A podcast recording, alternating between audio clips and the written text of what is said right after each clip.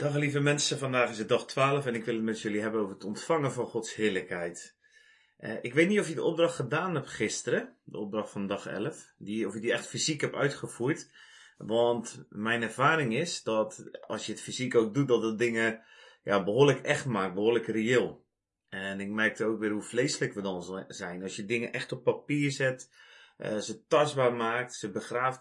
Die menselijke profetische handelingen, die maken eigenlijk dat je vlees echt in opstand komt, in mijn geval. Misschien hebben jullie dat een stuk minder, maar uh, ik merkte wel dat ik daar, uh, ja, dat het lastig was. Maar door de geest mogen we de leden van het vlees, de ledematen van het vlees doden, zodat we gaan wandelen door de geest en niet naar de vlees. We mogen de onrust doden en de vrede, Gods shalom, Gods heelheid mogen we ontvangen. Toch doet loslaten altijd veel. Bij mij is het altijd een struggle. Juist het loslaten van pijn, teleurstelling. Um, het is al moeilijk om het los te laten, omdat je er ook ja, misschien een soort veiligheid in vindt, of misschien een soort berusting soms. Maar uh, het is moeilijk om het los te laten, maar dan vervolgens om het ook buiten de deur te houden. Het staat zo weer om de hoek te schreeuwen om aandacht. Maar goed, je weet als het om aandacht schreeuwt, dan mag je verwijzen naar die plek in de tuin of waar ter wereld je het ook uh, hebt begraven. Je mag voortaan de vijand verwijzen naar die plek en zeggen, daar heb ik het losgelaten. En ik heb het losgelaten en ik heb het begraven en Gods geest wil mij vullen met zijn levenskracht. Dus dat is de vraag ook die je daar achteraan mag zeggen. Heilige geest, vul mij met die levenskracht, zodat ik zin heb en energie in het leven, passie voor het leven. Want loslaten maakt ruimte voor God, voor zijn aanwezigheid, om zijn liefde te ontvangen, zijn heerlijkheid te ervaren, zijn troost. Dat is eigenlijk de bediening van de heerlijkheid, de bediening van de Heilige Geest.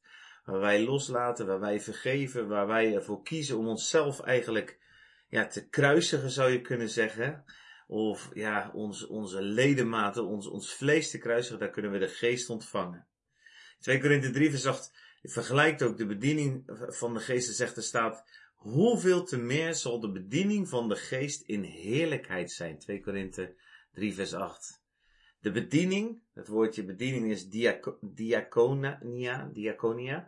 De bediening van de geest, dus de diaconia van de geest. Dat woordje betekent eigenlijk zoiets als in opdracht van God iets uitdelen aan een ander. Dus de geest van God is, het is God, maar ook deelt hij in opdracht van God iets uit aan jou en mij. En dat is Gods heerlijkheid. Hoeveel te meer zal de bediening van Gods geest in heerlijkheid zijn? Gods kados, Gods glorie, Gods aanwezigheid. Op die plekken daar waar jij en ik, waar wij moeten loslaten, moeten sterven aan onszelf, daar komt ruimte voor de Heilige Geest. Zullen we dat gewoon met elkaar bidden ook?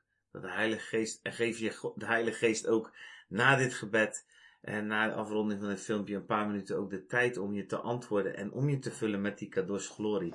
En als dat een levensstijl wordt, hè, als je dit gewoon gaat opnemen in je leven om dit voortdurend te doen, dan zal je merken dat je leven van heerlijkheid tot heerlijkheid verandert. Dat je steeds dichter bij je, steeds meer in die intieme, en die glorie van God zal zo op je rusten, dat andere mensen dat hoe dan ook zullen merken. Echt waar. Ik, eh, je, je zal zo de heerlijkheid van God meedragen dat anderen dat merken, zelfs nog voordat je iets zegt, omdat je de hele atmosfeer verandert door je komst. Heer, we willen graag bidden voor de dingen die we los hebben gelaten. Dingen waarin we onszelf en ons vlees hebben afgelegd. Zoveel leegte, zoveel ruimte, wat er nog ontstaan kan en wat ontstaan is door de dingen die wij afleggen, die wij vergeven. Heilige Geest, ik wil, mij vragen, ik wil u vragen vandaag mij te bedienen met uw bediening van heerlijkheid, van uw glorie, van uw aanwezigheid in mij. Heer, tastbaar, uw heerlijkheid, uw shalom. Kom met uw salving, uw aanwezigheid, uw vreugde. Vul mij.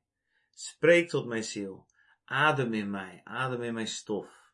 Vul mij met levenskracht en passie in Jezus' naam. Amen.